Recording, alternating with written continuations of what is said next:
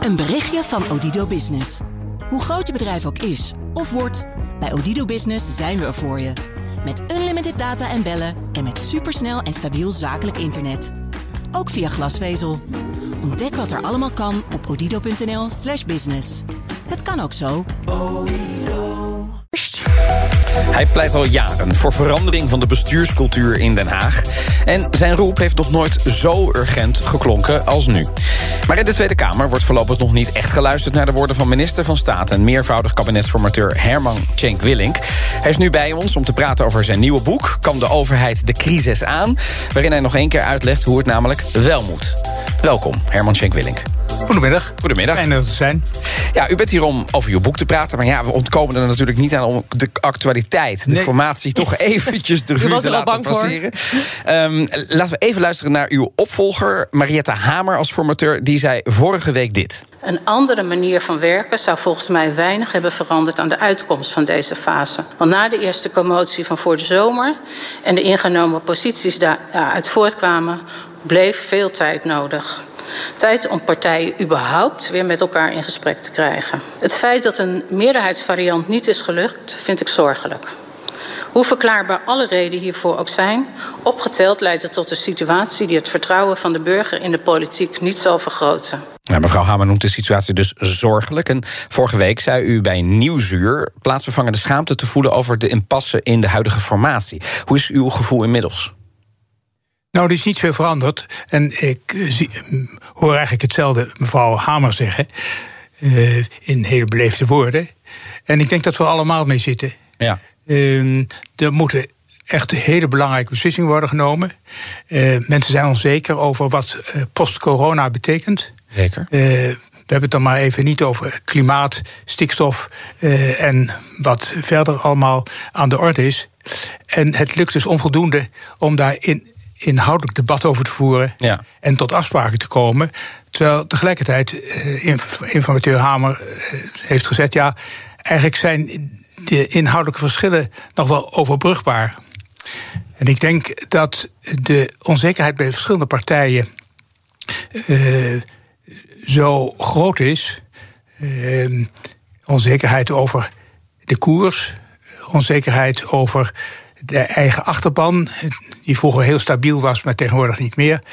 Dat men eigenlijk automatisch naar binnen eh, gaat kijken en eh, refereert aan eh, de bestaande machtsverhoudingen Ja. en elkaars positie. En ehm, ja, dat wordt een soort presidentsdilemma Zeker. waar je dan moeilijk mee uitkomt. Ja, als we nu gaan luisteren ook naar Remkes, die nou ja, zojuist is begonnen in Den Haag. Ehm, ja, wat mij opviel, er is namelijk al drie keer naar de inhoud gekeken in de formatie. Eerst door, door eh, Joritsma Ollongren, vervolgens door u en vervolgens door eh, Mariette Hamer. Johan Remkes zal dat ook weer gaan doen. Maar volgens mij is dat niet de garantie dat er een doorbraak komt. Want het is al drie keer via die inhoud geprobeerd. En ze vinden elkaar dus via de inhoud. Maar er is dus blijkbaar een andere barrière. Namelijk waarschijnlijk een, een, een verkiezingsuitslag. waarin te veel partijen bang zijn om hun electoraat misschien wel te verliezen. als ze een rare combinatie maken. Ja, dat is op, op zichzelf ook begrijpelijk. Eh, het interessante van opstelling van partijen is dat ze meestal logisch zijn vanuit hun redenering. Ja, anders Eh, waren ze wel een andere partij Anders geweest. Zou, Ja. ze, zou het wel anders hebben gedaan. Eh, maar dat het totaal eh, tot een onacceptabele uitkomst komt. En op een gegeven moment moet je daardoorheen. en moet je inderdaad. Eh, het eh, hebben over de inhoud en wat, eh, wat is. En, naar mijn oordeel zou je moeten beginnen niet wat eh, zijn we het eens over de oplossing, maar zijn we het eens over het probleem. Ja, maar dat, ik denk dat daar. Ik, ik bedoel, dat weet u beter dan ik, want u heeft daadwerkelijk met ze om de tafel gezet. Maar wat wij horen vanuit de media is dat de problemen breed gedeeld zijn. Zeker bij de middenpartijen. Iedereen wil iets doen aan het klimaat, aan het stikstofprobleem, aan de woningen. Tegelijkertijd, eh, als, laten we het even proberen concreet te maken. Eigenlijk zegt u. eh, we moeten eh, over een schaduw heen springen. Betekent dat bijvoorbeeld een CDA zou moeten zeggen. Ja, we vinden het absoluut niet ideaal dat we straks misschien met twee linkse partijen zitten. Maar het landsbelang vraagt dat. D66, wij vinden het niet ideaal om met de ChristenUnie samen te werken. Maar zwa, het landbelang vraagt dat. Is dat concreet wat u eigenlijk zegt? Ja, ik denk dat iedereen uh, dat zegt. En dan helpt het als je niet alleen zegt, we zijn het wel eens over het feit dat er iets aan het klimaat moet gebeuren. Maar het voornaamste is, wat is dan precies wat er moet gebeuren aan het klimaat? Ja. Waar uh, bestaat die stikstofcrisis dan uit? Uh, wat zijn de oorzaken? Uh, wat zijn de bronnen? Wat zijn de doelstellingen? Ehm, voordat je het hebt over en dan moet die en die inleveren. Ja. Ehm, en eigenlijk is dat nog misschien onvoldoende gebeurd. Want als je het daarover eens bent, dan heb je een gemeenschappelijke basis uh, waar je op verder kan bouwen. En dan kan je op een gegeven moment zien of bij de richting die je voor de oplossing inslaat, uh, de geesten zich scheiden. En de ene zich wat comfortabeler voelt dan de ander. Nu staat Remkes bekend als uh, streng. Denkt u dat hij de aangewezen man is om dit nu eventjes snel op te lossen? Hij zegt zelf half oktober moet het wel lukken. Ik waardeer uh, nu, wat, wat ik vind is niet zo belangrijk, maar uh, ik waardeer uh, Johan Remkes zeer. Ehm, en ik heb eigenlijk niet zo verschrikkelijk veel voorspellende. Nee. maar is hij de enige die het zou kunnen doen? Want dat valt altijd wel weer op. Hè? Dus u wordt er ter tafel geroepen. Johan Remkes. Niemand was er van. Hij is Johan Remkes weer. Die mag het ook weer doen. Was er niemand anders van een andere generatie waarvan u denkt: God, die had het ook wel kunnen doen op zo'n manier? Op een andere manier? Ik denk dat, ik heb dat zelf ook wel eens gezegd, het is een armoede om een 79 jaar te vragen. Dat was niet zozeer uit uh, valse bescheidenheid, maar wel uit zorg dat, je, dat we, de generatie waartoe ik behoor, blijkbaar te weinig het collectieve geheugen en de kennis hebben overgedragen. En uh, kennis die je in de loop van de jaren hebt opgebouwd, uh, waar je kans toe hebt gekregen in verschillende functies. En uh, dat is ook eigenlijk de reden geweest dat, althans ik zelf, maar ik denk ook Johan Remkes, uh, zegt: Nou, als me dan gevraagd wordt.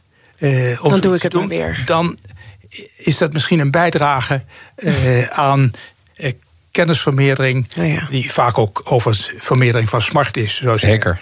Tot zover de formatie even, want u heeft ook een boek geschreven.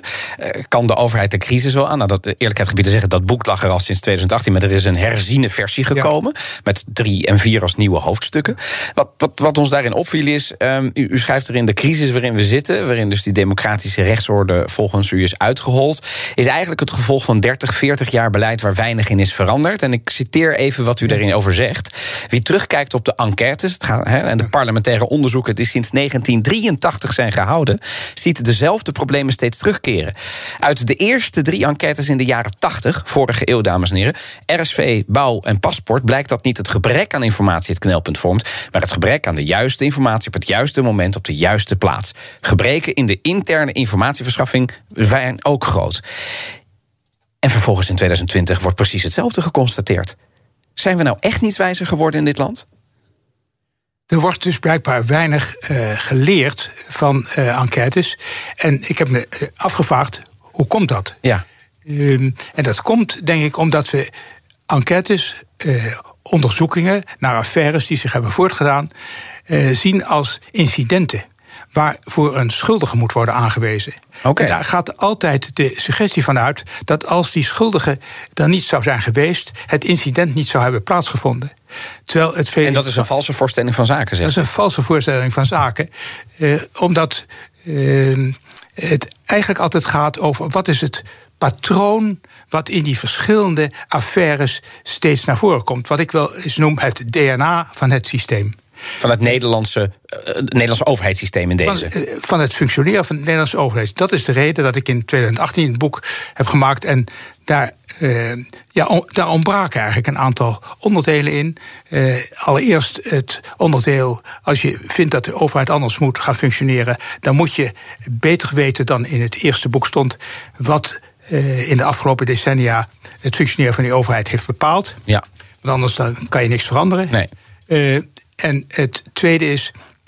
Wat waren nu de verschillende in opvatting tussen datgene wat in Den Haag over de overheid werd gedacht en wat ik daar ze in de loop van de jaren over ben gaan vinden? Uh, en uh, wat jammer dat er daar eigenlijk geen debat over heeft plaatsgevonden. En de derde is, hoe komt het nou dat de politiek, die geacht wordt de richting te geven, ja. eigenlijk vastdraait in zijn eigen interne verhoudingen, zoals we uit de formatie uh, blijken. Ja. En ehm, mijn conclusie is dat de, politiek een onderdeel is van het probleem. Dus dat actie voeren ehm, en je probleem bij de politiek neerleggen. Ehm, niet zo verschrikkelijk veel zal uitmaken. Want die politiek is mede verantwoordelijk voor het probleem. Ja. En dat dus het nodig is om alternatieven aan te dragen. En ervoor te zorgen dat al die andere functies die eh, in de democratische rechtsorde een belangrijke rol vullen, of nu de rechters zijn, of de politieagenten, of de huisartsen, eh, of burgers met name. Mhm. Dat die, die hun eigen functie ook goed definiëren en die ook uitoefenen. Eh, als zij dat doen, als de rechter uh, duidelijk is over wat zijn vak is, dan weet de wetgever ook wat hij moet doen, omdat er altijd wederzijdse afhankelijkheid is. Ja, eh, ik, las ook tot slot nog een, een, een, rol van de media. U zei dat incidentalisme dat speelt. Maar dat zou, het zou ook helpen als de media het niet altijd opblaast. Nou is natuurlijk de rol van de media om de macht te controleren. En ja, als er ergens rook is, is er waarschijnlijk ook vuur. En dat breng je, en dat wil je natuurlijk belichten. Want dan zie je waar het misgaat. Wat zou volgens u de media anders moeten doen? Ik denk dat de media ook, eh, net zoals ik net zei bij je enquêtes, meer zou moeten kijken naar de achtergrond van uh, de uh, affaires. En dat viel me nou bijvoorbeeld gisteren of weer gisteren weer op bij de speech van mevrouw Kaag. iedereen zoomt in op datgene wat iemand er blijkbaar heeft uitgehaald.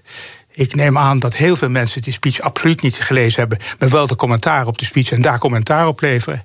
En daar zouden we eens vanaf moeten, want als je de speech leest, dan krijg je toch een ander oordeel. Het grotere plaatje. Zegt u? Het grotere plaatje het grotere plaatje. Niet voor niks was het vorige boek heette Groter denken, kleiner doen. ik ga u... Koop nog even ja, zijn andere boek. Dat vind ik wel klasse, grote klasse. Uh, veel dank voor uw komst. En lees vooral dat boek inderdaad, want het staat inderdaad niet alleen vol met een analyse, maar ook met oplossingen. Minister van Staat en meervoudig kabinetsformateur Herman Tjeek-Winnik. Dank u wel. Een berichtje van Odido Business. Hoe groot je bedrijf ook is of wordt, bij Odido Business zijn we er voor je. Met unlimited data en bellen en met supersnel en stabiel zakelijk internet ook via glasvezel.